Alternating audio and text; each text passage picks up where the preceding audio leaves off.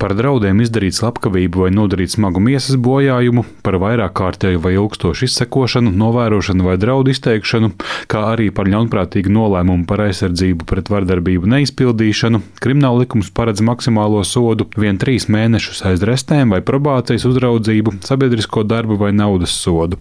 Pēdējās nedēļās šie krimināla likuma panti daudzkārt pieminēti saistībā ar traģēdiju Jēkabpilī, kur Leons Rusiņš pēc ilgstošas terorizēšanas nogalināja bijušo dzīves biedri.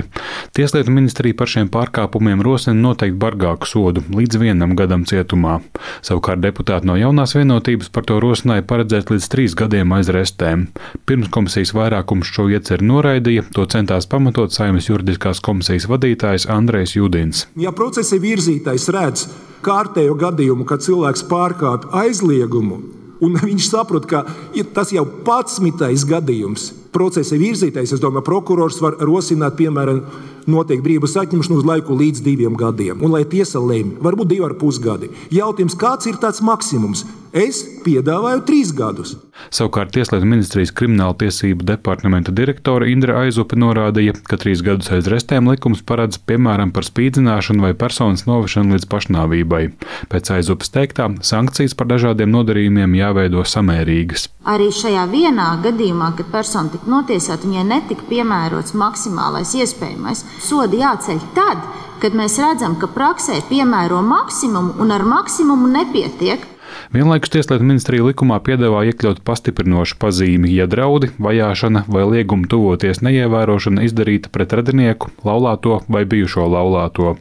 Šādos gadījumos maksimālo cietumsodu rosināts noteikti līdz trīs gadiem. Savukārt krimināla procesa likumā rosināts prioritizēt krimināla procesus par vardarbību vai tās draudiem no tuvinieka vai bijušā laulātā. Attiecīgi šādus procesus iztiesāšanai būtu jānodod četru nedēļu laikā. Visus nosauktos likuma grozījumus atzinīgi vērtē gan valsts policijas, gan ģenerāla prokuratūras vadība. Vienlaikus uzsverot nepieciešamību arī valsts policijai dot iespēju noteikt varmākas elektronisko uzraudzību.